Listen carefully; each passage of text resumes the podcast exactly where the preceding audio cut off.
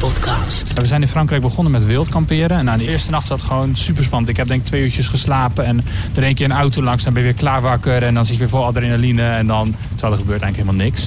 Nee, we zouden heel graag naar eh, Zuid-Afrika willen, via het Midden-Oosten. Als dat niet 1, 2, 3 kan, dan gaan we richting het oosten, dus richting China. De Motorpodcast. Passie voor motoren. Met Dennis QC en Peter Kroon. Aflevering 65 van de nummer 1 podcast voor motorrijders en motorliefhebbers. En onze gasten in deze aflevering hebben bijna alle schepen achter zich eh, verbrand. Ze hebben namelijk al hun bezittingen verkocht, banen opgezegd, vrienden en familie achtergelaten om te starten met The Great Ride Along. Een motortocht waarmee zij de wereld een stukje mooier gaan proberen te maken. Ze waren al eerder te gast in de Motorpodcast. Toen moesten ze nog beginnen aan deze monstertocht. En nu zijn ze al even onderweg. En daarom schuiven zij opnieuw aan aan de desk bij de Motorpodcast. Zo hoor je uitgebreid hun verhaal. Maar eerst eventjes onze eigen motormomenten. Dennis, heb je nog wat meegemaakt? Eh, ja, vooral een hele mooie rit door Zuid-Friesland kan ik iedereen aanraden. Fantastisch. Zuid-Friesland? Ja, Zuid-Friesland. Ja, het was een beetje te lang om nog helemaal heel Friesland door te gaan. Maar een lekkere rit gemaakt. En ik vroeg me af, want ik kwam bij heel toevallig bij een andere groep motorrijders. De- Bij een stoplicht troffen we elkaar. En ja, dan- je rijdt dan spontaan met elkaar op. Hoe ga jij dan rijden als jij bij een andere groep motorrijders per ongeluk aansluit? Ik ga er gewoon eerst eh, netjes een beetje achter plakken. Ja, maar waar achter? Eh, Baksteens? ja, baksteen. Oh, wel baksteens. Ik vroeg me dat af, want zij reden een beetje eh, Alles chaotisch. Ja. En ik reed netjes baksteen, totdat de- baksteen voor me opeens naar rechts ging. Ik weer naar links, hij weer naar links, ik weer naar rechts. Dus het, was, eh, en uiteindelijk gingen zij ergens bij een rotonde links en ik rechts. Dus het was opgelost. Maar ik vroeg me dat af. En niet echt een motormoment, maar gisteren kwam ik eh, op het YouTube-kanaal of Facebook-kanaal, weet niet meer, van eh politieteam Motorondersteuning. Die delen wel eens video's van, van hoe zij begeleidingen doen. In dit geval waren ze een arrestantenbus aan het begeleiden. En ik vond het echt wel indrukwekkend. Ik heb toch een kwartier ademloos naar die eh, eh, rit zitten kijken. Waarbij dan een aantal motorrijders ervoor telkens een kruispunt afkruisen en dan eh, ja. inhalen. Ze gaan met 200 door de binnenstad van Den Haag door een tunnel. En ja, ik vind het er altijd wel indrukwekkend uitzien. Spectaculair om te zien. Spectaculair, ja. En eh, eh, knap wat zij op de motor kunnen. Zij beheersen dat ding echt geweldig. Dus ja, dat waren een beetje mijn motormomenten. Ja. Jij? Nou, ik was vond je Lowlands? Ja, fantastisch. Ja, prachtige zaak. Het begin van onze, onze roadshow, hè? Ja. De, de Motorpodcast Roadshow. Lowlands Ik- Biker Store. Ja, de, de, daar, daar waren we dus in Zwolle. En eh, ja, ik moet nog een beetje aan het bijkomen van, van de koopziekte. Want er stonden daar zoveel eh, mooie Ja, dingen. ja. En ik word daar hebberig van. Ik begin te kwijlen gewoon. Kan er heb je alweer wat gekocht? Ik heb nog niks gekocht. Ik, eh, ja, ik kan me inmiddels, nu we er toch niet meer zijn, kan ik me weer een beetje beheersen. Maar als ik daar dan ben, jongen, echt verschrikkelijk. Er stonden er twee dingen waarvan ik echt dacht, twee motoren, die wil ik graag hebben. En eh, ja, dan begin ik alweer te rekenen. Zo van, nou, ik krijg nog geld van die, ik krijg nog geld van die. En als ik dat, dan, als ik dat er dan bij leg en misschien nog een, ehm, misschien een leningje. En ja, dan ben ik al aan het rekenen om te kijken of... Ja. Ik, heb het, ik heb het gelukkig niet gedaan. Maar komt hij dan naast deze Ja, Harley? ja, ja, ja. Serieus? Eh, never sell, Never just, just add. Ja, nee, dat, dat uiteindelijk wel. Laten we gaan naar onze gasten gaan. Absoluut. De Motorpodcast. Achter het vizier van... Nadia Pop en eh, Mitchell de Jager. Welkom. Welkom In- terug, moeten we eigenlijk Ja, zeggen. welkom terug. Dankjewel. Ja, acht Ja. maanden geleden ondertussen. Ja. En nu zitten jullie hier echt gebruind, gebronst. en net geland vanuit Ankara, zeiden jullie? Ja, Istanbul. Ja, Istanbul. Turkije. En, en nu weer terug in eigen land. Het is wel gek om jullie hier weer eh, te hebben, toch, Peter? Ja, en eh, nou ja, ik moet eigenlijk zeggen, ik, ik, toen jullie hier de eerste keer waren, dacht ik van, oh jongens, dit, dit gaat een drama worden. Maar je ziet hier nog steeds lachend. Ja, ja, het was wel even heel moeilijk om dus alle spullen daar eh, achter te laten hoor, in Istanbul. Ja? Het staat allemaal wel veilig opgeslagen gelukkig. Maar we zijn er met twee rugtasjes het vliegtuig ingegaan. Want voor de Eh, mensen die het gemist hebben, jullie ja. waren hier eh, ergens in mei, aflevering 43. Jullie zouden op 1 juni vertrekken. Het is nu bijna 1 november, eh, nu we dit opnemen. Dus jullie zijn een maand of eh, 8, 9 onderweg. Ehm, jullie, hebben de, jullie hebben dus een hele reis achter de rug. 11 landen, 13.000 kilometer. Zijn hier even op tussenstop, maar hebben de motoren in Istanbul achtergelaten. Ja, ja wij wilden voor een, eh, nou, nu ruim 2,5 week naar Nederland op en neer. En ja, met de motor vanaf Istanbul is toch best een heel lang stuk. Dus toen zeiden we, ja, dan kunnen we misschien maar beter vliegen. En dan het geluk dat we familie hebben die gewoon zegt... nou ja, dan weten we wanneer je aankomt en we halen jullie wel op. En eh, er is hier een kamer voor jullie vrij. Dus we zitten nu weer bij Hotel Mama. En ehm, ja, toen de motoren maar gewoon achtergelaten. Letterlijk toerist in eigen land. Ja, een beetje op vakantie. Ja, maar ik zei het net al in mijn inleiding. Jullie hebben dus echt gewoon alles verpatst. Hè? Jullie, jullie eigendommen hier, jullie huis en al jullie spulletjes. eh, nou, het minimale wat je mee kan nemen, nemen jullie mee. Eh, twee motoren en daarmee ja, eh, de Great Ride. Hè? Eh, vertel even voor mensen die niet weten wat jullie missie is. Ja, wat wij, eh, wat wij doen, we hebben twee eh all-road motoren gekocht. Een Yamaha Tenere 700 voor mij en voor Nadia een eh, rode Enfield Himalayan. En daarmee rijden wij de wereld over. Dus we zijn dan nu in zes maanden tijd van Nederland naar Istanbul gereden. En eh, we gaan vanaf nu alleen maar steeds verder. En wat wij willen doen is een reis met impact hebben. Dus wij willen ondertussen ook samenwerken met een aantal goede doelen. Eh, juist om, ja, zoals jullie het voor, de wereld een stukje mooier te maken. En ook eigenlijk te laten zien hoe mooi die wereld wel niet is. Want daar zijn we ook wel achter gekomen dat op het moment dat ik. ehm, nou ja, ik, ik had laatst een, eh, een platte band, of een lekke band, voorband. En toen zijn we gewoon, ja, op dat moment gewoon langs de weg gestopt. Kan toch niet verder. En toen stonden we langs een huis. En dan komt er eerst komt er iemand naar buiten, een oud mannetje. En die sprak ook geen Engels. En het is een beetje gebarentaal. En die kwam al water brengen. En druiven had hij geplukt. En die kwam allemaal dingen brengen. En toen kwam zijn zoon en nog een zoon. En op een gegeven moment spraken ze allemaal Engels. En toen werd er steeds meer geholpen. Terwijl ik op mijn gemakje mijn band aan het verwisselen was. En toen had ik dat dus heel handig gedaan. Dus ik heb mijn eigen band lek geprikt. Mijn reserveband, mijn binnenband. Door alle stress. Ja, door, nou ja, door gewoon alle ogen en gewoon een beetje te enthousiast. En even denken, ik kan dit wel. Ik laat even zien hoe dat ik die voorband verwissel. Ja. En iedereen bemoeide zich er ook mee. En ik dacht, ik doe dit wel eventjes. En die mensen had me gewoon, ja, zeer waarschijnlijk dat ik dat gewoon heb gedaan. Mijn lepel op twee plekken mijn binnenband weten te zetten. Dus ik had twee nieuwe gaten in mijn reserveband. En mijn originele band was echt doorgescheurd, mijn binnenband. Dus daar kon er niks meer mee. Maar die mensen hebben me toen naar de garage gebracht. Want die vonden het be- beter voor mij als ik het niet zelf zou plakken. Hadden hun bedacht. En dat werd ook heel duidelijk gemaakt. Dus hun hebben me naar een garage gebracht. En ehm, ja, toen in de garage hebben ze hem geplakt. Toen bleek hij daarna nog niet goed te zijn. Hebben ze hem weer teruggebracht. Hebben ze hem opnieuw geplakt daar. Ja, en je wordt gewoon geholpen. En toen we weggingen, toen hadden we ondertussen hadden we warm gegeten. Hadden we van hun gekregen. Eh, een kilo druiven, een aantal granaatappels, eh vijgen. Nou ja, van alles kregen we mee. En flessen water. En alleen maar gewoon, die mensen hadden ook een leuke dag. En die helpen je gewoon. En dat is toch bijzonder om mee te maken. Ja. Ja, vind ik heel mooi klinken, maar dan denk ik toch bij mezelf... als je niet in staat bent om je eigen band te plakken op zo'n rit... Waar beginnen dan? Want stel je voor dat het ergens was gebeurd waar geen aardige man met druiven en Ja, was eh, langs Ik kan later duidelijk zijn, ik geloof in mezelf dat ik dit kan. Oké. De mensen hadden het geloof niet. nee, ik heb al vaker wel mijn band geplakt, ook met succes. En ook vaker een band verwisseld zonder hem lek te prikken. Ja. En op dat moment krijg ik het voor elkaar om net twee keer een gaatje erin te prikken. En voordat ik, ik pakte mijn plakspullen en die mensen die zeiden gewoon van... nou, we hier echt een kilometer verderop zit een autogarage en dan doen ze het met een mechanische pres. En dan zit het allemaal net iets beter. En eh, dus laten we dat maar doen. Je had nog geen eens tijd om nee te zeggen eigenlijk. Nee, dus toen dacht ik, nou ja, weet je, prima, laten we dat maar doen. Het was ook wel gezellig. opgelost. Ja. hey, maar hebben jullie niet eh, Ride-On, dat spul in, je, in banden? Ja, eh, Dennis Mooi heeft het. Ik heb Ja. het erin zitten en ik, Ik ik ook. denk nog nooit gebruikt, maar dat weet ik dus niet. Ja, ik had dus ook een, een schroef in de band. En Ja. eh, dan gaat er een keurig lampje aan op het dashboard van eh bandenspanningen omlaag. Uiteindelijk heb ik de schroeven keurig uitgehaald. Komt er even zo'n even een stukje eh, troep uit de band. En daarna zit hij weer helemaal dicht. Ik heb geen idee of dat kan bij binnenbanden. Ik weet in ieder geval dat het bij tubeless banden Ja. goed gaat. Ja? Misschien bij de rest niet, maar... Ja, ik heb geen idee. Er zijn, zijn er nog motoren met binnenbanden? Ik bedoel, dat ding wat achter je staat, die Classic, Ja. die, die heeft binnenbanden. Ja, wij ook nog hoor. Maar Ja, allemaal, heel veel offroad, ja, allroad offroad motoren hebben Nou, binnenbanden. nou ja, het, eh, al, alle motoren die ik eh, de laatste jaren heb gehad, hebben allemaal tubeless. Ook je Tenere. Ja, Ja, dat is een goede vraag. Ik weet dat bijvoorbeeld eh, de, de 1200 GS'en, die hebben dat natuurlijk ook van die tubeless. Maar misschien dat dat voor zwaardere motoren beter is of noodzakelijk. Ik Of heb echt geen voor idee. off-road en on-road gebruikt. Dat kan met een GS Ja. hoef je niet off-road. Nee, daarom. Ik heb echt geen idee wat daar de redenatie achter is.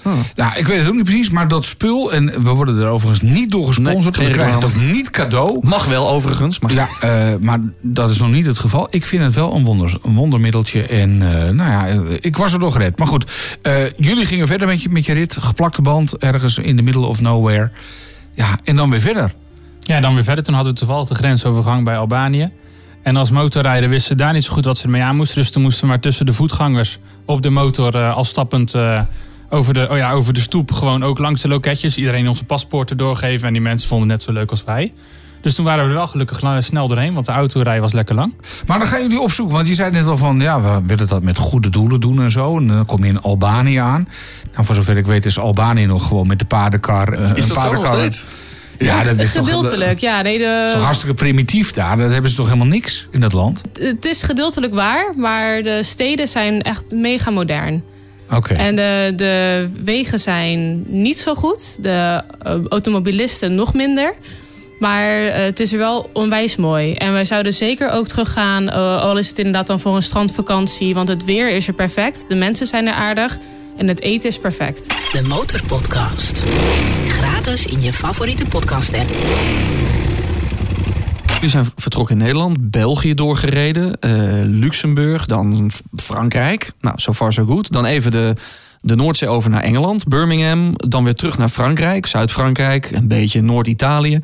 Dan wordt het wat ietsje exotischer, Slovenië, Kroatië. Is dan Albanië het meest exotische land van jullie hele reis tot nu toe? Eh, Albanië en spannend en- Turkije, ja. En dan was inderdaad bij Albanië voornamelijk omdat dan de mensen eh, niet zo goed Engels spreken. eh, Mhm. Tot niet. En eh, de wegen gewoon heel slecht zijn. En de automobilisten ook, eh, ja, Erop los praktisch gezegd niet kunnen rijden. Nee, Ja, en we kwamen in Albanië in het donker binnengereden. Want die grensovergang duurde daar iets langer. En we Ja. hadden natuurlijk die lekke band die een uurtje of vier duurde. En eh, toen kwamen we Albanië binnengereden. En daar hebben ze nog heel veel koeien die daar gewoon over de weg lopen. Ja, en koeien in het zwart reflecteren niet. Dus dan in het donker denk je ineens, oh, koe. En dan, nou ja, dan wijk je uit en dan komt het wel goed. Maar het zijn allemaal van dingen waar je even aan moet wennen. Nadia, jij had toen we je vorige keer in de studio hadden, volgens mij net een weekje rijbewijs. Ja. En je zou drie weken later met deze rit eh, beginnen. Dus jij was echt de newbie van de twee. Precies. En dan eh, tussendoor nog even een off-road training bij eh, Tim van All Road Adventures gedaan. Ja. En nou, dat ging best wel goed. Heel veel tips en tricks gekregen. Ondertussen nog contact gehad voor oh, wat moet ik nu op de verschillende ondergronden die we tegen zijn gekomen. En nu, nou, na het dertiende land Turkije, best wel wat ondergronden meegemaakt. En het gaat eigenlijk heel erg goed. Ja? Ja, we delen dan natuurlijk ook de momenten dat het niet goed gaat. Dus die zijn ook te zien op Instagram. Eh, dat we onderuit gaan in de modder en op het zand. En eh, ja, dat hoort er gewoon bij, dat blijft. Maar Is dat dan geen slechte reclame? Ik bedoel, als je zo'n tour gaat maken en je laat op je Instagram een paar keer zien dat je onderuit gaat. Dat is toch. Ja, het is eh, een beetje realistische reclame, hopelijk. Ja. Dat het, ja, het gebeurt ook. En natuurlijk, ik maak ook nog steeds fouten. Dat ik niet door het diepe stuk van de modder ga, maar ik probeer langs te gaan en dan juist onderuit ga. Omdat je denkt, van, oh, ik ben nou wel beu. Ja. Ja. Dan zie je ook gewoon, wij, wij, doen, wij doen het ook maar. En wij proberen het ook maar. En we hadden nog zoveel meer dingen waarvoor we nog meer training hadden willen hebben. Nog meer voorbereiding, nog meer Nou, noem eens een voorbeeld. Bushcraft denk ik nog meer. ja. Dat hadden we wel heel leuk gevonden. Want we hebben het nou al een beetje zelf uitgevogeld. En veel YouTube filmpjes gekeken erover. Bushcraft, leg eens uit. Eh, dus het, het overleven in de natuur. Oh, Oké. Ja. Ja, echt dan, ja, we kunnen nu wel een kampvuur bouwen, maar ik gebruik eigenlijk toch iedere keer wel een lucifer. En nou, het zou toch leuk zijn om het ook zonder te kunnen. Ja. Maar zo zijn er nog wel meer van dat soort trucjes.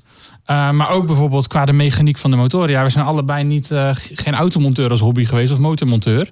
Dus dat was voor ons toch wel even wennen. We hadden dan wel die. We hebben nog een oldtimer, die hebben we dan wel opgeknapt samen met een specialist. Ja.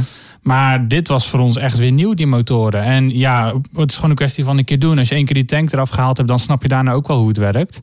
Maar ja, alles is een eerste keer en alles is een eerste keer proberen. En het was toen drie dagen voor we vertrokken dat, ik, dat we toen dachten van... hé, hey, we kunnen nog geen banden wisselen. Dus toen heeft Nadia op Instagram heel snel een oproep geplaatst van... heeft er nog iemand de komende dagen tijd? En toen uh, zei een vriend van ons, die zei van... Uh, of wat nu een vriend is, die zei van nou, kom maar naar mij toe. Dus toen aan de andere kant van het land gereden. En toen heb ik daar een dag training gehad. En toen, uh, nou, nu kan ik dus voor de achterband verwisselen. Even geen goede reclame voor hem, maar... eh, wat, is, wat is het mooiste wat jij nu geleerd hebt, Nadia?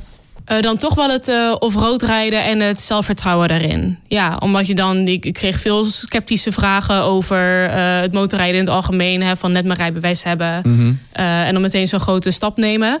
En dat ik nu wel echt durf te kunnen laten zien dat ik goed kan rijden. Ja. ja.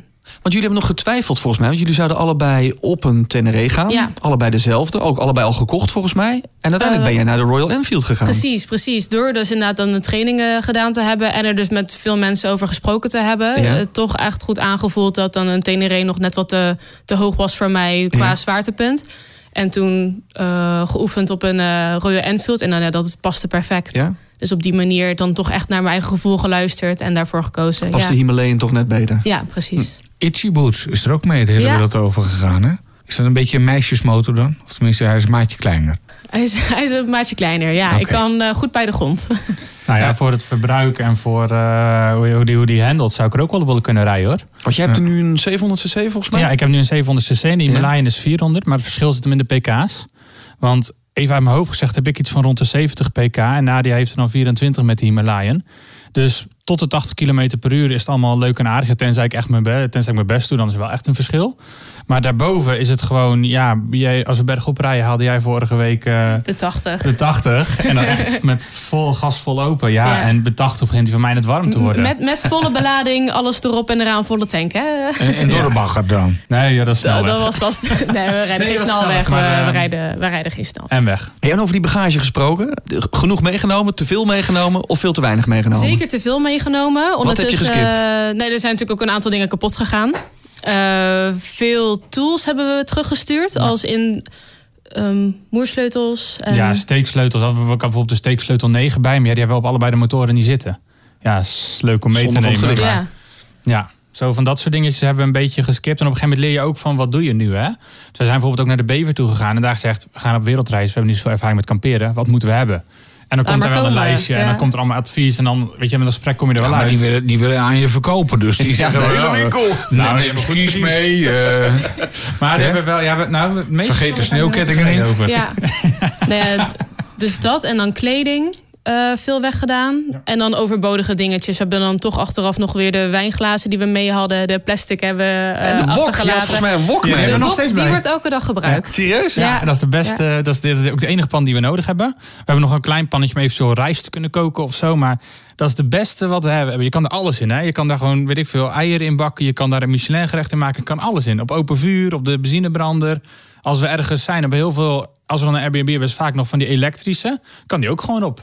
Ja, dat is echt eh, is top. Ideaal jongens, ga je wereldreis, neem mee een Ja. wok. Dus de Ja. wokpan, de stoeltjes en de cena's... die gebruiken we echt elke dag. Ja. Nou, zei je net al van ja, er waren toch een hoop mensen die er toch wel een beetje vraagtekens bij plaatsten toen wij vertrokken. Nou, jij ook wel. Ja, ik, zeker. Want ik dacht echt van, nou joh, als je een weekje rijbewijs hebt, ga nou eerst eens een jaartje gewoon eh, hè, alle seizoenen in Nederland rijden. En eh, nou, dan misschien eens wat verder weg, maar na een week. Maar uiteindelijk is het dus toch goed gekomen. ja, nu 12.500 kilometer later. Ja. Ja. Nooit eens een moment gehad dat je dacht van, waar zijn we aan begonnen? Oh, zeker. Ja. Ja, zeker. Ja, we hebben. Nou, ik denk dat het meest recent dat we hebben gehad was Albanië. Ja, ja. Ja, we hadden in Albanië hebben we een motorrijder ontmoet. Superleuk. Via Instagram leer je heel veel mensen kennen. Want heel veel mensen sturen ons berichtjes, wij sturen mensen berichtjes. En het was dus een motorrijder uit Albanië. En die deed met zijn Tenere 700 deed hij ook rallies en zo. Dat was, dat was wel een niveauverschil qua off-road. Maar goed, eh, een keer een biertje mee gaan drinken, wat mee gaan eten. En de volgende dag nog een koffietje. En we zeiden, nou, we gaan daar en daar naartoe. Heb je nog een idee voor de route? Dus Google Maps erbij gepakt. Zei, nou, weet je wat, dat, dat is gewoon een goede gravel road. Dat is niet te technisch, geen grote stenen. En dat is wel goed te doen. En eh, toen zijn we daarna begonnen de volgende dag, vol goede moed. Toen hebben we op een gegeven moment wel, dat was, toen hebben we er ook 11 uur over gedaan. Over een stukje wat eigenlijk ja, anderhalf uur was via de gewone weg. En onze shortcut hebben we 11 uur over gedaan. Want het was gewoon alles. Het was van diepe modder, nou ja, waarbij dat jij zo hard viel dat je stuur gewoon verboog. Eh, tot eh, dat we echt stenen hadden waar we echt dachten, hoe komen we hier overheen? Want En- het had daarvoor, wisten wij niet, eh, best wel een tijd lang geregend. Dus je had heel veel groeven in de gravel. Waar Mhm. je dus natuurlijk niet in wil komen met je, met je banden. En dat maakt het wel echt een stuk technischer dan was verteld. Ja. Ja, en toen ging het op zich weer redelijk goed. Toen hadden we jouw stuur weer recht gebogen.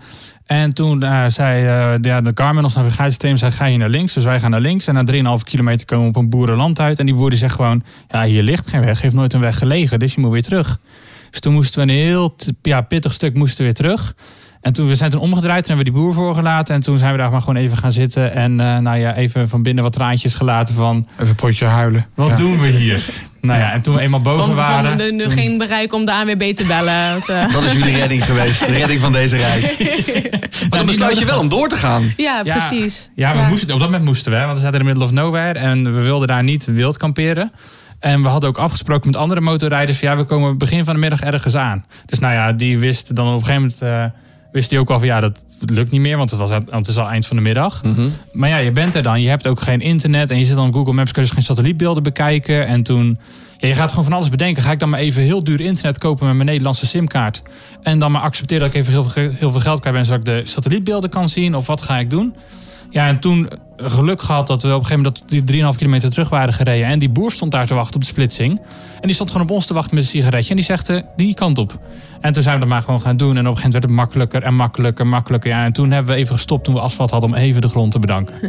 dat we toch eh, na heel wat Na 11 uurtjes uur mocht dat wel, ja. Ja, De Motorpodcast. De nummer 1 podcast voor motorrijders en motorliefhebbers. Nou, daar zei je net al van ja, een, eh, een dure simkaart of tenminste eventjes extra geld uitgeven. Hoe hebben jullie het financieel tot, tot nu toe gedaan? Want ja, je moet dus best wel zuinig aandoen. Ja, want hoeveel denk je dat we tot nu toe aan benzine kwijt zijn geweest? Je kan het uitrekenen. Ja, hoe, Met hoe- Nederlandse prijzen. ja. 1 op 20 loopt een, eh een Tenere? nou Of wel iets zuiniger. iets zuiniger. Ja. En, en een eh, Royal Enfield 400 cc, nou, nog iets zuiniger. Ja, een heel stuk zuiniger zelfs. Die van Nadia doet ongeveer 1 op 32, 1 op 33 met bagage. Oké. Had afgelopen weekend al zes tientjes aan benzine. Dus, Ja. eh, Nou ja, we hebben het uitgerekend. ik denk voor jullie. 2.500 euro. 1400. Oh, nou dat valt me 1400. alles mee. Ja. Nou, dat vind Voor zes wel. maanden. Met z'n 13 tweetjes. Ja, met z'n tweetjes 13.000 kilometer. Terwijl je, denk ik, heel inefficiënt met je eh, vermogen en dus met je motor, met je benzine omgaat. Maar met het off-road zeker? Dan eh, rij, je aardig eh, hoge toeren. Klopt. 1400 euro. En als ik dan zo vrij mag zijn, wat zijn jullie dan aan de rest kwijt geweest? Overnachtingen, et cetera, et cetera? Ja, dat hebben we ook gekeerd dat dat op een rijtje kon zetten. Maar dat vonden we iets moeilijker, want dat hebben we niet bijgehouden. Dit kon ik zo uit, eh, uit een Excel-sheetje trekken. Ehm, maar we hebben wel eh, ook een aantal meevallers gehad. En dat was wel ons achteraf dus gewoon heel fijn. Dat we, eh, we zijn in Frankrijk begonnen met wild kamperen. En na de eerste, de eerste nacht zat gewoon super spannend. Ik heb denk ik twee uurtjes geslapen. En er een keer een auto langs. Dan ben je weer klaar wakker. En dan zit je weer vol adrenaline. En dan, terwijl er gebeurt eigenlijk helemaal niks. En eh, toen beviel dat op een gegeven moment toch wel goed. Dus toen zijn we veel meer gaan wild kamperen. En het seizoen was er ook naar. En eh, ze hebben ondertussen meer dan 80 nachten wild gekampeerd. Ja, van de 150. Ja, dus als je dan uitrekent wat het dan bespaart aan Airbnb of een camping kost. Ja, dan hebben we Dat scheelt ongeveer, heel veel. nou, we hebben dus ongeveer al 2400 euro grofweg bespaard door te gaan wild kamperen. Dus dan de bever heeft zich ondertussen terugverdiend. En die, die sleutel 9 is ook weer verkocht natuurlijk. Ja, ja, ja, die deed het hem. Maar wild kamperen, jongens. Gaat verdroven. Ja, ik moet er niet aan denken. Nee, je zit hier met twee hotelgasten aan tafel. Ja, ik, ik moet ook echt even... eh, Ja, en toch, het was de eerste keer is het wennen. Ja, dat zeg ik nu misschien heel makkelijk hoor. Maar de eerste keer was het wennen. Maar het is nu net zo comfortabel als in een hotel. Maar dat komt ook omdat je, tenminste, ik kan nu wel voor mezelf zeggen dat ik wel weet waar ik op wil letten. Dus ik wil bijvoorbeeld niet in de buurt van een weg. Ik wil een stuk hebben waar dat overdag niemand, of zo goed als niemand langskomt. Dat ik weet dat ongeveer niemand weet waar ik ben. Dat ik uit het zicht ben. Dat soort dingetjes. En dan op een gegeven moment, dan zit je echt op een plek. En dan heb je daar een kampvuurtje gemaakt. En dan zit je daar gewoon te koken met die wokpan op het vuur. Dan wordt het op een gegeven moment donker. Dan gaan de sterren helemaal kijken. En je hoort gewoon niks. Of je hoort de zee. Ja, dat is wel heel rustgevend hoor. Maar mag het overal? Ja, we doen het.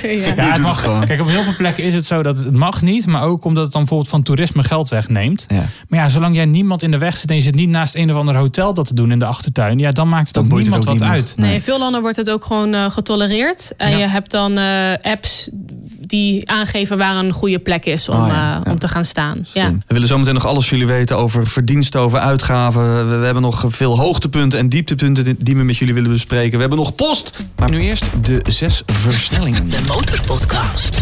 Zes versnellingen. Komt-ie, versnelling 1. De Tenere of de Enfield? Enfield, Azië of Afrika? Afrika.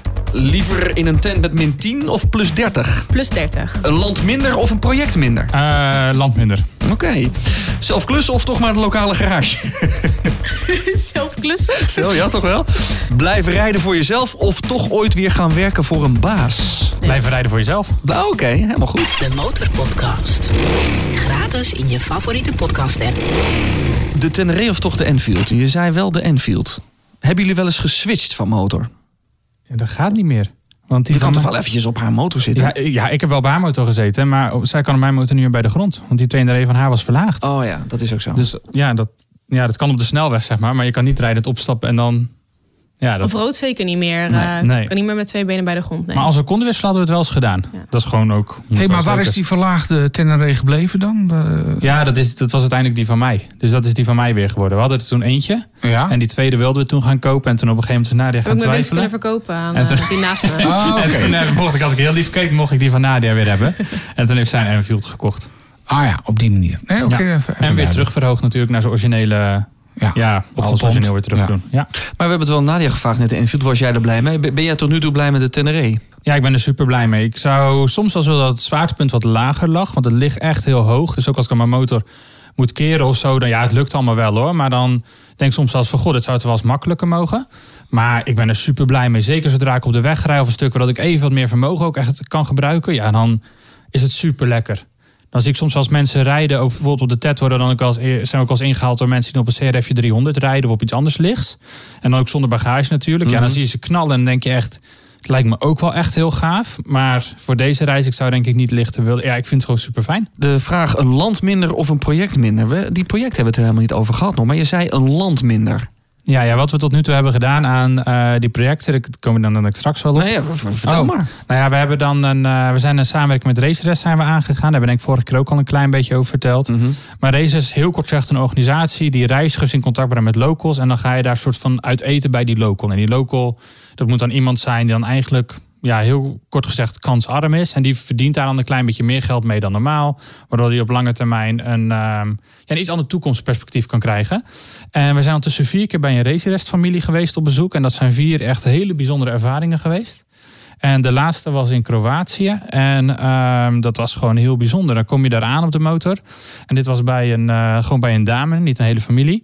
Maar zij wonen dus in het, ja, in het ja, landgoed, in het, in het huis zeg maar, van haar opa en oma. En dat was al 200 jaar oud, was ongeveer al 200 jaar hetzelfde gebleven. En in onze ogen was het echt een kasteel, maar het was daar gewoon een beetje sober landgoed. En daar hebben we dus gekookt op de manier zoals het 200 jaar geleden was. Ja, en dat was gewoon een heel bijzondere ervaring. Want je bent er echt even in een andere sfeer. En je bent dan in zo'n huis waar dat ze dan ook nog zo'n heel varken roken zoals vroeger om het dan houdbaar te houden. En dan, ja, die ervaringen zijn heel bijzonder. En dan is het gewoon heel apart om te merken dat wij er helemaal opgeladen weggaan. Gewoon helemaal energiek en geïnspireerd. En dat wij ondertussen gewoon voor een, eh, eh, voor een social enterprise gewoon een enorme bijdrage hebben geleverd. Door het allemaal te filmen. We hebben een YouTube filmpje van gemaakt. En we leveren voor hun weer allemaal content aan in vorm van foto's en video's die hun zelf ook kunnen gebruiken voor hun marketing. Ja, en dat is voor hun goud, want hun moeten anders een marketing besturen en het wordt allemaal heel duur. En wij doen dat voor hun dan. Maar goed, eh, in hoeverre heeft een, eh, een vrouw die net rond kan komen... in hoeverre is die bezig met marketing? Niet? Nee, dat is het mooie. Wij komen daaraan en zij... Maar wat, wat heeft ze daar dan aan? Ik denk wel eens van, ja, eh, iemand midden in Albanië of Slovenië... of waar het dan ook is... die zijn toch helemaal niet bezig met die westerse dingen... waar wij mee bezig zijn met online dingen plaatsen en Nee, zo. juist inderdaad helemaal niet. Maar eh, dat is het mooie, want zij willen dus hun cultuur delen. Dus dat Ja. is wat zij ons geven, door juist die authenticiteit te laten zien. Ja. En dan wij doen wel de marketing voor hun. Ik dacht dat jullie met betere, of met projecten meer gingen, eh, bijvoorbeeld werken op het land of ergens sanitaire voorzieningen aanleggen. Als daar gewoon echt het, het, het handwerk, zeg maar. Dat zou kunnen, maar ik denk dat onze kwaliteit op iets anders Ja, liggen. weet ik niet, maar. Nee, het kan. Kijk, als wij bij een. Als wij, ehm, het is niet zo, wij komen het dorp binnengereden. We zeggen: Goh, jongens, waar moet er wel gebeuren? En we doen dat wel eventjes. Meestal is het al zo, tenminste als tot nu toe, dat we dan, we weten dan van tevoren al van, nou, we, daar is een project, daar gaan we mee samenwerken, daar gaan we dit en dit voor doen. En Mhm. we komen daar aan en dan ontstaat er iets moois. We zijn ook bijvoorbeeld aan het kijken om als volgende stap naar het Lesbos te gaan, om daar wel de, voor de vluchtelingen te helpen. Ja. Kijk, En, dat, dat ehm, vind ik een concreet iets. ja, Heel concreet. Ja, en daar gaan we dus wel, zijn we nu aan het kijken om daar wel iets te doen met onze kwaliteit. En dat is dus wel op het gebied van media en content. Eh, want daar hebben die stichtingen ook behoefte aan om te laten zien wat doen wij nu. Want dat haalt bijvoorbeeld weer geld binnen van donateurs. Als, zij dat, ja, als jij dat laat zien via een plaatje wat toevallig even met een iPhone geschoten is en via WhatsApp wordt verstuurd. Of wij maken dat een hoge kwaliteit en daar wordt een mooie banner van afgedrukt. Dat Ja. heeft heel veel impact in de funding die binnenkomt. Dus daarmee maken wij weer onze impact. Ook al lopen wij daar niet rond als ja, we doen hier de marketing. Maar we leggen vast wat er daar gebeurt. En dat doen we dus ook bij die vrouw in dat 200 jaar oude kasteel. En daardoor ontstaat er juist weer hier een stuk funding waardoor er heel veel verandert. Ja. Over funding gesproken, hè? want eh, waar halen jullie nu de komende maanden weer funding vandaan? Ja, dat is een lastige vraag. Want jullie werken niet eh, als jullie aan op reis zijn. Want jullie hè, gooien je, je kennis en kunde in de Ja. strijd voor die projecten. Mhm. Krijgt een bord eten voor terug. Ja, Ja, we hebben inderdaad een aantal deals gehad met accommodaties waar we bijvoorbeeld dronesvideo's voor hadden gemaakt. Ja. Eh, dat is dan ook echt op, eh, op factuurbasis gegaan. Dus daar hebben we inkomsten uitgehaald. dan kom je met je drone en zegt, nou, dit kunnen wij. Deze filmpjes zijn als voorbeeld. Ja. Mogen we van jouw hotel een mooie, Precies, mooie drone ja. shot maken? Ook inderdaad vaak al van tevoren al eh, mailcontact over gehad. Eh, nu vanaf Turkije wordt dat iets lastiger. eh, minder makkelijk ja, met het contact. En Vanwege de taal?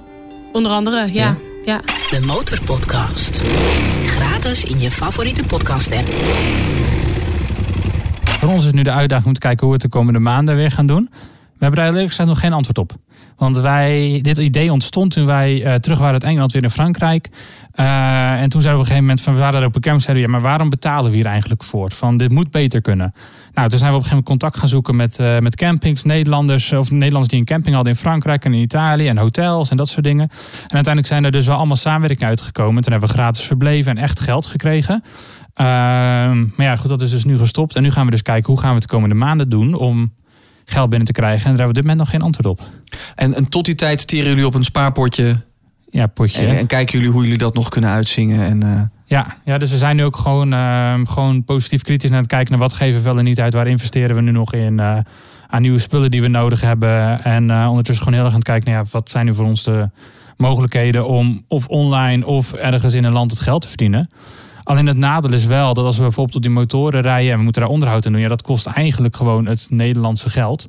Terwijl als wij, ik zeg maar wat, in Turkije zouden werken, daar verdien je ongeveer een derde mhm. of minder nog. Ja, dat is dan, dat, dat, die verhoudingen zijn heel moeilijk. Ja. Dus we zijn nu eh, echt aan het kijken naar hoe we online nog meer geld kunnen gaan verdienen. Want eh, jij zegt net wel, we werken niet. Maar voel ik me een klein beetje om tenen getrapt. Nou, weet ik niet. Ja, Ja, ja, ja. Nee, maar jullie doen geen. Ik kan me voorstellen als je ergens gaat dat je zegt van nou, ik, ik, eh, van de vijf reisdagen ga ik daar vier dagen in een, eh, weet ik veel, een hotel werken of in Mhm. een restaurant. Dat bedoel ik mee. Ja, nee, dat snapt hoor. Alleen... Werken voor een baas, dat bedoel Ja, ik. precies. Nou, dat doen, ja, we zijn onze eigen baas. maar bijvoorbeeld Instagram is voor ons wel echt werk. Want wij vertegenwoordigen op dit moment 11 merken, bedrijven. Ehm, waarvan wij dus, nou ja, krijgen we allemaal waardevolle spullen. Ehm, en uiteindelijk willen we dat echt om gaan draaien. Nadat we daar ook gewoon een vergoeding voor krijgen. En dat is nu de volgende stap die gemaakt moet worden. Dat moet nog, die stap. Eh, maar op dit moment hebben we dus al van alles op de motoren zitten. Wat bijvoorbeeld al gratis is. Of tenminste, ja, wat we, ja, gratis wat wij gewoon in uitwisseling krijgen voor Ja. wat wij doen. Dus eigenlijk is dat ook wel daarin een vorm van werk. Ja. Nee, het is gewoon een hele goede ruilhandel natuurlijk. Nee, want ik weet zeker dat er heel veel mensen nu zitten te luisteren. Die denken van, ja, ik wil ook een reis ondernemen. Ik heb eh, een paar honderd of een paar duizend euro gespaard. Maar daarmee kom ik de wereld niet rond. Hoe maak ik die droom waar? Ja, dat was voor ons was dat wel echt. Nou ja, ik denk dat de vorige keer we dat ook proberen te vertellen. We, zijn maar gewoon begonnen. En we wisten dat er heel veel gaten in de plan zaten hoor. Dus we lopen nu tegen de volgende aan. Dat is de Carnet de Passage. Ja, voor de mensen die dat niet eh, kennen, het is eigenlijk een soort paspoort voor je motor of voor je voertuig. En dat heb je dus weer nodig om veel landen in het Midden-Oosten in te gaan: Afrika, Zuid-Amerika en Azië. Eh, maar dan moet je dus een borg afgeven. Dat je niet altijd blijft daar. Ja. Daar komt Ja, het dus moet je dat een borg afgeven voor de garantie dat je dus ook weer je voertuig het land mee uitneemt. Ja.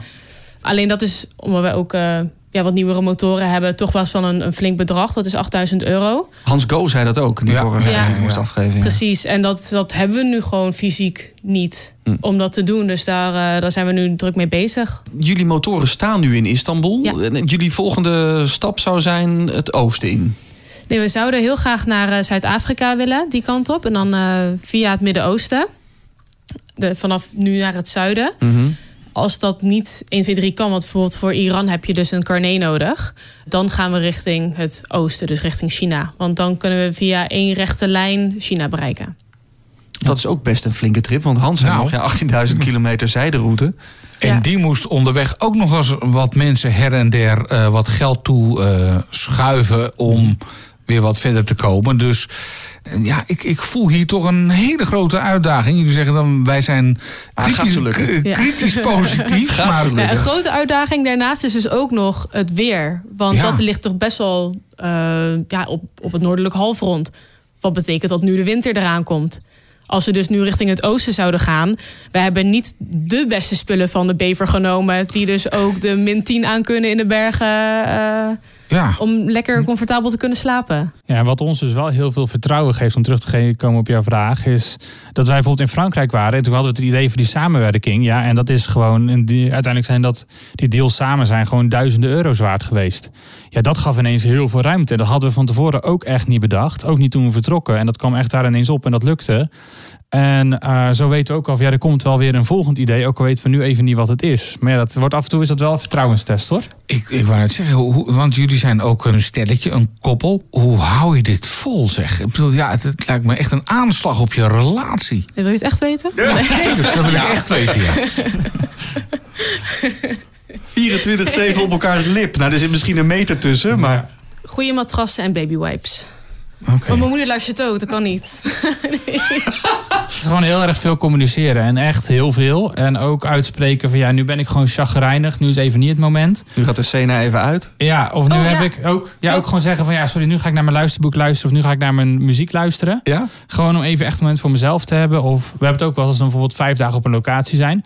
Ja, dat we dan echt zeggen van nou, ik ga morgen eerst gewoon, ik ga of 's ochtends eerst een uur wandelen. Of ik ga eh, even in mijn eentje. Of ik ga, maakt eigenlijk niet uit. Ik trek me even terug in de tent. Of, eh, maar om gewoon echt je eigen ruimte te creëren. Want als je dat niet doet, dan, nou ja, ik zou helemaal gek worden.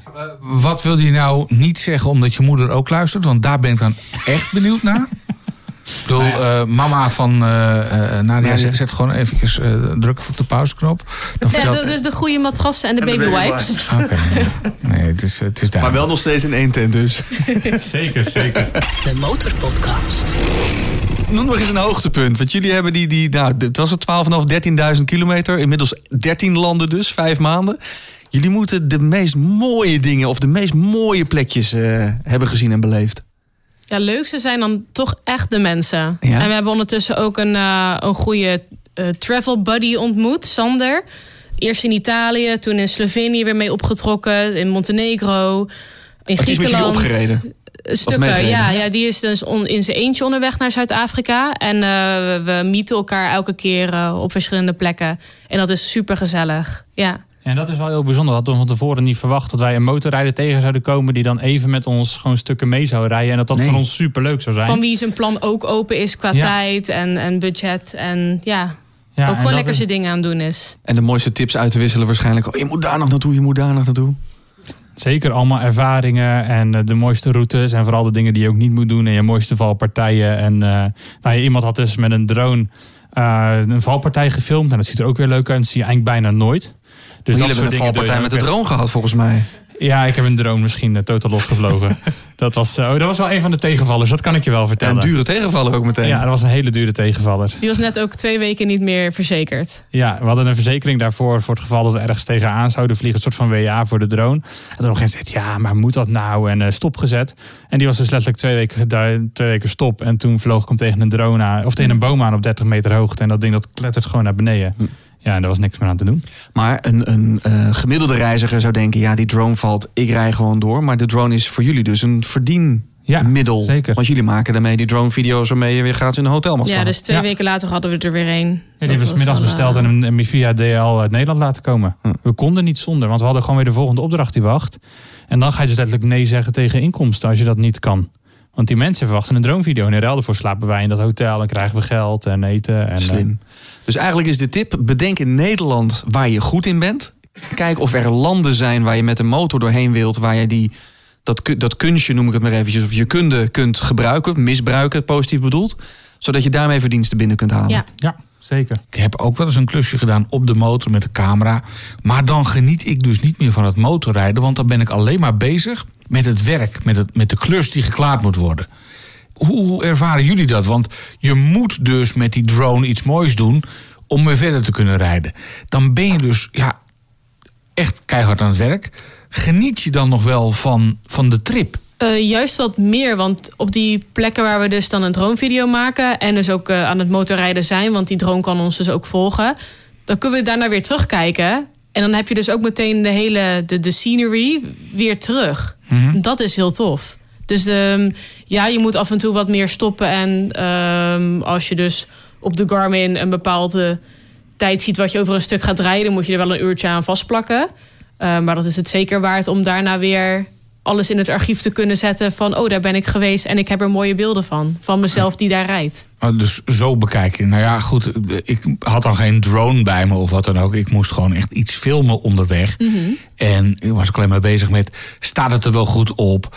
Eh, werkt het wel? Schud ik niet te veel? Hoe is de bocht? Hoe is de bocht? Eh, nog maar een keer de bocht. Eh, nee, maar het is toch niet helemaal goed. Even kijken op mijn monitor. Nee, nee, nee. Het kan, kan nog iets beter. Doe nog maar een keer voor de zekerheid. En ja, ik genoot dus helemaal niet meer van het rijden. Want ik was echt alleen maar bezig met het moet er goed op staan. Maar daar hebben jullie dus minder last van. Ja, het is wel zo. Die dag dat we in Albanië zaten en we hebben er toen 11 uur over gedaan. Toen dachten we achteraf, daar maken we een mooi YouTube filmpje van. En dan bleek dus dat we gewoon de makkelijke stukken alleen hebben gefilmd. En bij de moeilijke zijn we het wel echt vergeten. en dan kom je dan pas op, in je hoofd heb je dat gewoon de hele tijd gedaan. En dan eh, weet je ook GoPro batterijen wisselen en dan weer aan. En dan weer dit filmen en dat filmen. Ja, en toch niet gedaan. Nee. Dus ja, het is... En eh, dat, dat is dan ook niet je prioriteit. Je prioriteit is dan daar het stuk overleven en zorgen dat je de uitweg vindt eh, uit het gebergte. Ja. Dat is dan weer inderdaad achteraf juist weer jammer. Maar dat is voor jullie een memory for life. En voor de kijker, wat een kijker niet ziet, mist die kijker ook niet. ja, de mooiste valpartij hadden we wel op beeld. Dat was die van Nadia. Ja, zeg jij. Wacht maar tot jij onderuit gaat en een beeld van is. Ja, want bij, bij Lowlands, je hebt er nu een t-shirt van aan. Daar, daar waren wij dus voor de start van, eh, van onze road eh, show. Daar zeiden ze van, ja, heb je toch gehoord, Nadia? Die eh, stuurdubbel gevouwen. En, Ja, zijn we 1 juni weggereden bij Lowlands. ja, Ja. maar hoe, hoe erg was het nou met, eh, met jouw valpartij? Een mooie valpartij voor de, voor de, voor de video, maar... Eh, mijn stuur was eh, verbogen aan de linkerkant. Dus die stond op een gegeven moment 90 graden. Ik kon niet meer bij mijn, bij mijn koppeling. En we hebben dus het stuur op dat moment terug moeten buigen. Ja, eigenlijk met, Hoe doe je dat? Ja, met Gewoon, of- adrenaline gewoon- en kracht. eraan gewoon aan gaan hangen en, Ja. en terugbuigen. Ja. Kan het ook nog breken, Ja, nee, dat, dat is dus dat risico wat je neemt. Maar op dat moment kan je niet heel veel anders. Want eh, hoe die stond, ook tegen mijn tanktas aan, eh, kon ik niet meer vooruit. En je rijdt nu nog steeds met hetzelfde stuur? Ja, we hebben dan nu een stuur eh, besteld hier in Nederland. Een extra dikke, want die konden we dus in het buitenland niet vinden. Eh, een, een, een stevig off-road stuur. Eh, en die nemen we zo meteen dan weer mee. En dan gaan we in Istanbul installeren. Mm, ja. Dus ik heb een eh, tijdje met een... eh, het was geen 90 graden meer, maar ik denk 45 graden. Ja, het zat niet helemaal recht. Het zat, het zat niet helemaal recht. eh, nee. Nee, en je, je, je wordt gewoon creatief. Hè? Dus we zeiden op dat moment, van, ja, we moeten hem terugbuigen. En als die breekt, ja, we hebben bijvoorbeeld kneedmetaal bij ons. Een soort van epoxy, maar dan van metaal, wat ook heel hard wordt. En dan gaan we daarmee maar proberen om hem te maken dat we in ieder geval hier weg kunnen. Want we waren echt in the middle of nowhere. En we hebben nog, steeksleutels eromheen, tijrippen, verzinbaar. Ja. ja, je wordt dan wel creatief en je probeert maar wat. En ja, die steeksleutels kopen we dan wel weer terug of wat we nodig hebben. Nee, dat snap ik. Maar eh, met een stuur wat bestaat uit k- kneedmetaal en steeksleutels. Er komt bij een noodstop of whatever. Er komt zoveel kracht om een stuur te Ja. staan. Ja, ik snap dat als je moet, moet. Maar Ja, er was daar niemand. Dus wij, Nadia is nog naar een dorp gelopen verderop. Om te kijken dat er niet iemand was met een pick-up. Dat we iets konden regelen. En dan was gewoon niemand. Het dorp was gewoon leeg. Ja, er waren een paar geiten, maar er was echt niemand. Ja. Dus ja, we hebben officieel nog de ANWB. En we hebben wel zo'n nood-GPS-trekker bij ons. Maar dan gaan we allebei daarvoor niet inschakelen. Ja, en we reden over Dus ja, als je dan noodstop hebt en het gaat fout, dan val je wat zachter. En wanneer pak je wel de GPS-noodtracker erbij? Wa- Wanneer is het echt nood dat je zegt van nou, dit is niet meer met een rolletje gaffer tape op te, op, op te lossen? Ik denk dat het dan aan ons zelf zou liggen. Dus als wij iets zouden hebben als want jij had met de val dus niks. Nee, Geen, nee. geen lichamelijk letsel. Niks nul. Beetje ego. Dus bijvoorbeeld als er, als er een been gebroken zou zijn. Of zo'n Ja. soort geval. Ja, dat je echt niet weg kan en er is ook geen hulp. Ja, kijk, weet je, als er, als er regelmatig verkeer langs rijdt, ja, dan stabiliseer je en dan Ja. wacht je op die pick-up en dan ga je wel achterin liggen. Maar dat jullie hebben wel dus geen- EHBO-cursussen? Ja, Ja. Oké, dus jullie kunnen elkaar verbinden en... ja. Oké. Maar dan druk je op die noodknop. Wat gebeurt er dan? Ja, dat hangt er vanaf waar je bent. Je Komt er dan een wel- soort E-team... eh, nou ja, met een sommige, helikopter? in sommige gevallen wel. In sommige gevallen zal het uiteindelijk een helikopter zijn, afhankelijk van waar je bent. Maar natuurlijk wordt het goedkoopste middel wordt ingezet. Maar er gaat Maar- ergens een belletje of zo naar Ja. een alarmcentrale. Ja, dat gaat dan bij Geos. Dat is zo'n eh, alarmcentrale van, eh, van, van een bedrijf. En daar betaalt ook abonnementskosten voor. En voor Mhm. misbruik betaal je ook. En die krijgen dan je live locatie via satelliet. En dan schakelen die hulp in wat ze kunnen bieden. En als ze je bijvoorbeeld niet kunnen vinden, dan komt ook Search and Rescue. En daar ben je ook allemaal voor verzekerd, zeg maar. Ehm, dus ja, als het dan helemaal fout is en ze kunnen niet vinden, dan komt er echt een zoekploeg. En dan, nou ja, dan gaat het steeds verder. Want ze gaan ervan uit, als het signaal wordt uitgezonden, dan is het ook nodig. Echt iets aan de Het hand. is een grote Ja. SOS-knop die je moet indrukken. Dus. Ja, dus daarvoor gebruiken we hem ook echt. Dus zolang we het zelf kunnen oplossen, gaan we dat ding niet indrukken. Liever in een tent met min 10 of plus 30? Het was meteen plus 30. Ja, want onze uitrusting die we dus nu hebben... is ook niet voor de, voor de min 10 geschikt. Jammer genoeg. Ja. Eh, maar anders had het ook letterlijk niet gepast. Dan hadden we dikkere tent moeten, dikkere matrassen, slaapzakken. Eh, en ja, met plus 30, dan kan je nog in de voortent gaan liggen... of eh, de Ja. alle ritsen openzetten. Want jullie Ja. planning is om nu eh, richting Afrika te gaan. Hè? Dat bleek Ja. ook uit jullie Ja. versnellingen. Ja. En daar is het dan zometeen warm. Nou ja, in ieder geval overdag. Kijk, we gaan een beetje mee met de, met de seizoenen, was een beetje de bedoeling. Dus we Mhm. gaan dan nu naar beneden naar Afrika. En daar rond Evenaar is het dan zometeen zomer als het bij ons winter is. Dus daar is het in ieder geval omgedraaid. Dus daar zal het dan inderdaad echt heel warm zijn. Maar goed, als je daar in de woestijn slaapt, is het s'nachts ook gewoon heel koud. Dus we zullen de spullen die we hebben, zullen we echt wel nodig hebben. En we kunnen het redden tot een, nou ja, iets min vijf. Zoiets zullen we het kunnen redden. Op comfortabel niveau, zeg Mhm. maar. Ja, en daaronder zie je op een gegeven moment op nog wat je kan overleven. Maar dat wil je eigenlijk dan gewoon niet. Een beetje dichter bij elkaar liggen. Ja, nou, dat hebben we nu al een aantal keer moeten doen. Dat gewoon te Slaapt koud ook aan elkaar, ja. De Motorpodcast. Wanneer is deze trip geslaagd? Ik zou bijna zeggen, dat is die al. Als in, we zijn Ja. zo aan het genieten en we hebben het zo naar ons zin. Nee. Eh, dat, we, dat we dus nu al hebben van, oh, Maar op jullie, op jullie site staat bijvoorbeeld eh 1800 eh, families moeten er geholpen worden in 40 landen. Nou ja, daar ben je nog wel even bezig. Want jullie hebben alleen Europa gezien. En precies waar Azië begint, Istanbul, Ja, daar zijn jullie gestopt. ja, dat klopt. We de nu wereld eigenlijk- is nog een stuk groter. Dus je bent nog wel even bezig. Dus daarom mijn vraag, wanneer is het geslaagd? Is het dan echt als je alle continenten gehad hebt? Of denk je op een gegeven moment gewoon, nou jongens, we hebben dit nou twee, drie jaar gedaan. Eh, we keren om, we gaan terug. Ik denk dat het voor mij geslaagd zou zijn als wij st- nou ja, stoppen wanneer wij willen stoppen. Dus dat het niet is omdat we geen geld meer hebben of omdat we nou ja, iets niet voor elkaar kregen of het werd te moeilijk. Maar dat wij op een gegeven moment goh, we hebben genoeg gezien, we hebben nu een mooi plekje gevonden, we gaan daar settelen. Eh, ik denk dat het dan voor mij geslaagd zou zijn. Want dat is nog wel voor ons, denk ik, het grootste ja, risico wat aan deze reis hangt. is niet zozeer dat we, ja, ons kan ook wat overkomen, dat kan altijd. Maar je doet het gewoon voorzichtig en je bent voorbereid. Maar dat we hem gewoon op een gegeven moment niet meer voort kunnen zetten, omdat we gewoon niet meer kunnen tanken. Omdat die pas gewoon nee zegt. En dat lijkt me wel het ergste wat er kan gebeuren. Dat wij niet besluiten we stoppen, maar dat die pas dat besluit. Maar je hebt geen afvinklijstje met ik wil bijvoorbeeld elk continent gezien hebben. Of ik wil minimaal nog naar Zuid-Amerika of nog tien hoofdsteden of zo. Zo'n lijstje zou ik maken, denk ik. we hebben zeker nog wel een, een to-do-list, een eh, bucketlist. Maar daar staan eigenlijk de landen waar we nu langs zijn gegaan, staan Ja. er ook weer op. Want ja, dat, je hebt niet alles gezien. Dus op die manier blijven er mooie plekken komen. Maar wat is de nummer één op de bucketlist? Ja, voor mij nu Kenia. Ja, Kenia. Oh, Oké. Ja, ik ben, eh, ik ben, ik ben in 2012 een tijd in Kenia geweest. Ja. En dat beviel heel goed. Maar ja, toen had ik geen motor en toen ja, toen had ik ook geen auto. En dan, ik zie, ik heb wel heel veel van het land gezien. Maar om dat nu vanaf de motor te zien, dat zou wel heel bijzonder zijn. Dus dat zou ik wel heel graag willen. Om dat land wat ik eigenlijk wel wil zeggen dat ik dat echt wel ken. Mhm. Om dat dan opnieuw te ontdekken. Dat lijkt me wel heel bijzonder. Ja, en ik heb dan ook wel eens eh, dat ik wel eens jaloers word van Jessica en Maarten van Winding Wheels. Die hebben ook wel wat mooie beelden gedeeld. Zo. Ja, absoluut. En die hebben dan eh, dat ze echt door nationale parken met de motor zijn gereden. Ja, dat lijkt me wel een fenomenale ervaring. Dus dat zou ik op zijn minst nog mee willen maken. Dat wel- Kopiëren jullie reizigers onderling? Hè? Jessica en Maarten, we, we hadden Job. We hebben, hoe heet het, die jongen die door eh, van heel Zuid-Amerika heeft gezien. We hebben natuurlijk Itchy Boots. Mhm. Kopiëren jullie dingen van andere motorwereldreizigers? Eh, plekjes waar ze zijn geweest, specifieke hotspots. En, en, eh, op Google heb je ook een eh, vlaggetje die je dan ergens kan plaatsen van zo'n opgeslagen plek. Nou ja, dat wordt allemaal uitgewisseld onderling. Eh, en je ziet natuurlijk dan eh, plaatjes voorbij komen. Dus hè, de- dan bijvoorbeeld de parken waar Jessica en Maarten doorheen zijn gegaan. Ja, die staan dan bij, komen bij ons ook op de lijst erbij. Ja. Net is vooral ook veel kennis en ervaring die je dan uitwisselt. Van, oh ja, ik heb toen dat op die manier opgelost. Oh ja, dat is wel super handig. Of dat ehm, eh, iemand anders die had weer die kneepmetaal bij zich. En die zei, ja, dat gebruik- heb ik daar en daarvoor een keer moeten gebruiken. Oh, nou, dan nemen wij dat ook mee. Dat is super handig. Dus zo ga je weer steeds, je leert heel veel van elkaar. En eh, dat wissel je vooral heel veel uit. Maar over vijf jaar, waar zijn jullie dan? Ik hoop dat we dan nog wel rondrijden. Eh, waarschijnlijk dan vanuit een eh, eh, plekje dat we wel ergens zijn neergestreken. Dat we denken van, oh, dat is een mooi eh, base, Basecamp. basecamp. Ja, en vanaf daar dus dan de, de tocht te gaan doen. En zou, dat- zou dat basecamp ook weer gewoon in Nederland kunnen zijn? Of zeg je, wij zijn er klaar met dit, eh, met, met dit land. Wij gaan ons ergens anders settelen. Ik hoop een plekje met een iets lekkerder eh, klimaat. Dus ergens rond de Evenaar. Ja, zo ziet het er nu naar uit. Maar we zijn ook al langs plekken gekomen in nou ja, Kroatië en Montenegro. Waar we zeiden, nou hier zouden we ook best wel een huisje kunnen kopen hoor. Dus het is niet dat we nu per se zeggen, we gaan nu daar naartoe. Maar we hebben nu al zoveel mooie plekken in van zeggen we nou in ieder geval wordt Nederland het niet meer.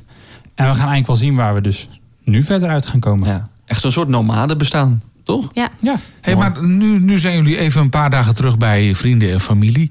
Wat vinden die er dan van? Want daar zal je ongetwijfeld ook tegen gezegd hebben van... nou, eh, Nederland wordt het niet meer. Ja, dat wisselt een beetje. We hebben heel veel mensen die vinden het heel leuk, heel enthousiast. En ook heel veel mensen die kijken naar ja, een beetje zoals jullie met van ja, we, we zouden het leuk vinden als het lukt, maar we weten niet of dat het gaat lukken. Dan eh, de, de vragen blijven komen van oh, wanneer komen jullie terug? Of eh, de vraag over het geld komt er, komt er vaak. Dat is die schijnbaar is heel Nederlands, want dat hebben we nog nergens anders eh, horen gekregen. Dus de meeste leuk, eh, maar wel met een ondertoon vaak.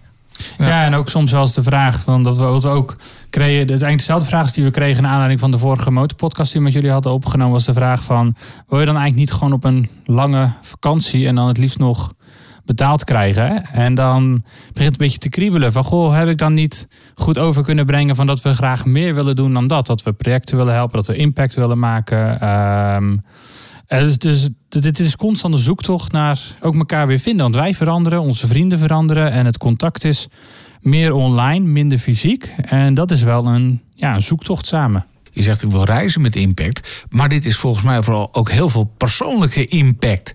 Ja, wat dat betreft hebben we denk ik heel veel geluk. Dat we eh, allebei ouders hebben die gewoon enorm supportive zijn en ons eh, enorm hierin willen helpen. Maar we hebben ook zeker wel heel veel vragen gekregen hoor. Van is het wel even de slimste keuze?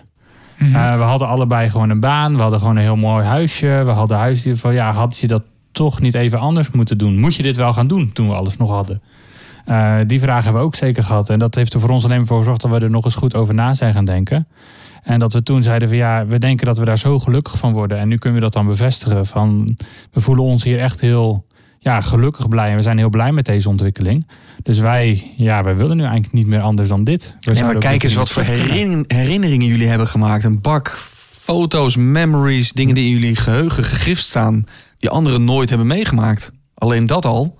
En we horen het ook steeds vaker. Dat mensen zeggen van ja, eh, als je iets wilt doen, doe het nu. Want wie weet kun je het over vijf jaar niet, niet meer doen. Of, eh, ja, nee, dat vooral. Dat was ook een klein beetje ook bedoelde met van oh, wanneer is je reis geslaagd? Nou ja, het is nu al geslaagd, want we zijn al gegaan. ja. Van we hebben de stap gezet en toen was het eigenlijk al geslaagd voor mij. Eh, omdat dat de grootste stap was die we moesten nemen. De Motorpodcast. De post, want we hebben veel van jullie berichten binnengekregen via info@demotorpodcast.nl. Een kleine selectie. De Motorpodcast. Een mailtje van Jorrit. Hij schrijft: Ik rij zelf net een paar jaar op een Yamaha FJR 1300 en wil me dit najaar gaan oriënteren op een nieuwe voor het seizoen 2023. Ik vind het leuk om de verhalen over de verschillende merken in jullie podcast te horen. De bereider is uiteindelijk de beste ambassadeur. Nou, dat blijkt ook uit de, de en de Himalayan van Nits- Mitchell Nadia. Eh, leuke input voor dealerbezoekjes de komende maanden, zegt Jorrit. Ga zo door. Eh, Marcella schrijft: Leuk om jullie podcast ontdekt te hebben. Ik ben nu lukraak onderwerpen uit jullie archief aan het terugluisteren. Zeker in de koudere maanden van het jaar een ideale manier om de motorpassie levend te houden. Als ik minder vaak op mijn Suzuki V-stroom eh, 650 zit. Goed, Michelle uit Dordrecht. En een nieuwe vriend van de show. Via eh demotorpodcast.nl kun je dat worden. Koen76, dank voor je support. En Koen vraagt zich meteen af... kun je die bonusafleveringen van jullie, van vriend van de show... ook via Podimo of via Spotify terugluisteren? Nou, Koen, dat kan. Daar zijn wel wat handelingen voor nodig... maar die hebben we net op onze website gezet. Dus ga even naar demotorpodcast.nl. Klik op hoe luisteren en daar vind je precies... hoe jij als vriend van de show via Spotify... het bonusmateriaal kunt beluisteren. De Motorpodcast.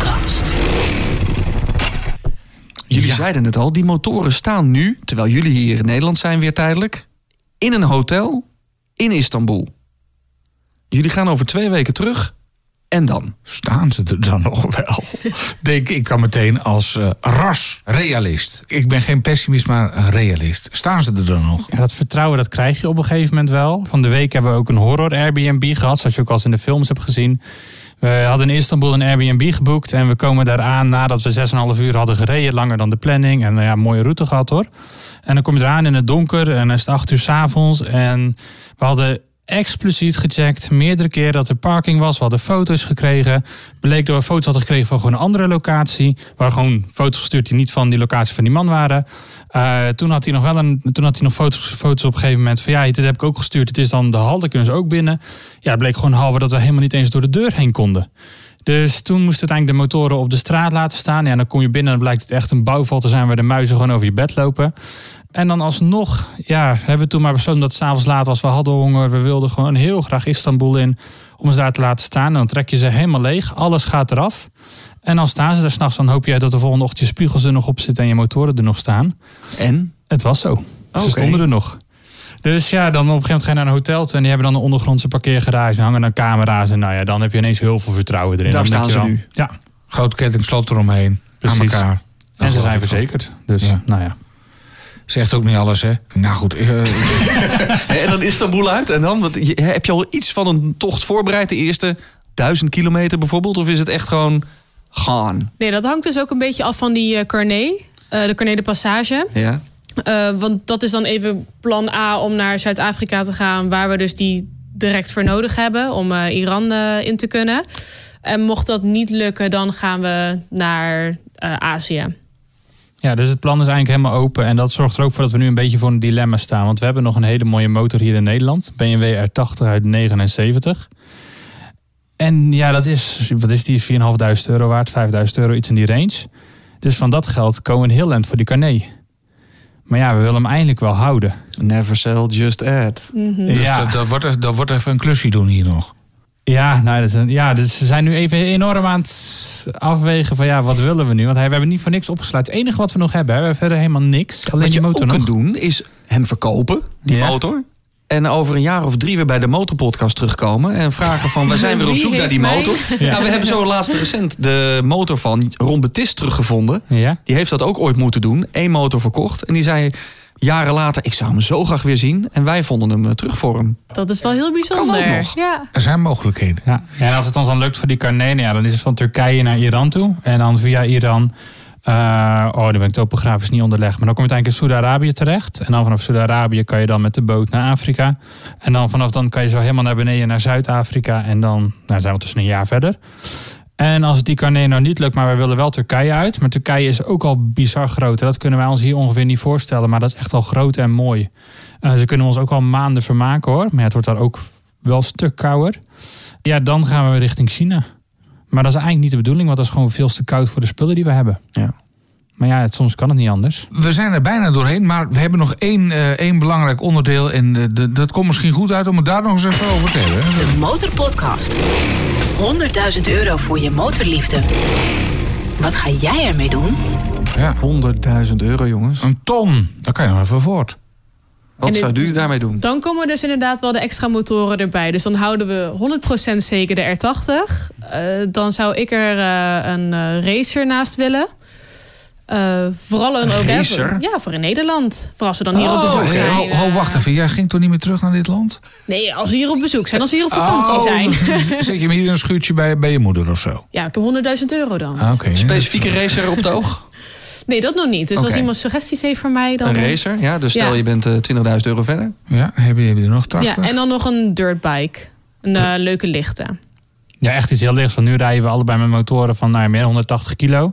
En er zit bagage op en we hebben nogal wat bagage bij ons realiseren. Iets van 130 liter op allebei de motoren. Dat is echt heel veel. Maar ja, dat weegt ook gewoon door. Dus ook als wij over rood rijden, ja, het rijdt gewoon alsof je met een tank er doorheen rijdt. In plaats van ja, met iets heel lichts. Dus dat zou ook wel heel leuk zijn om zoiets erbij te hebben.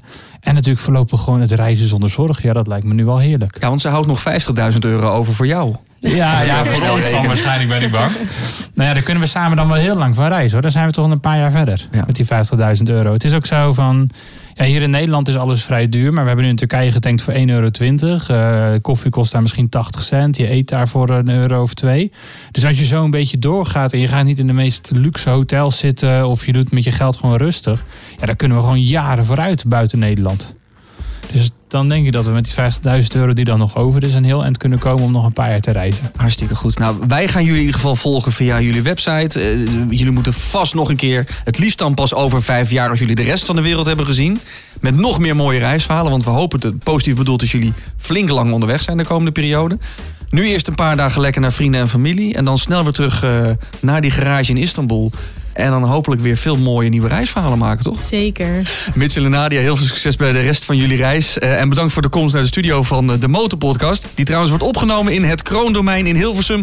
Vind je deze podcast nou leuk? Deel hem vooral met andere motorrijders. Of word vriend van de show van de Motorpodcast. Eh, dan krijg je nog meer bonusmateriaal. En dat kan via onze website demotorpodcast.nl. En abonneer je ook, want dan krijg je automatisch een seintje bij de volgende aflevering. De Motorpodcast. Gratis in je favoriete podcast app.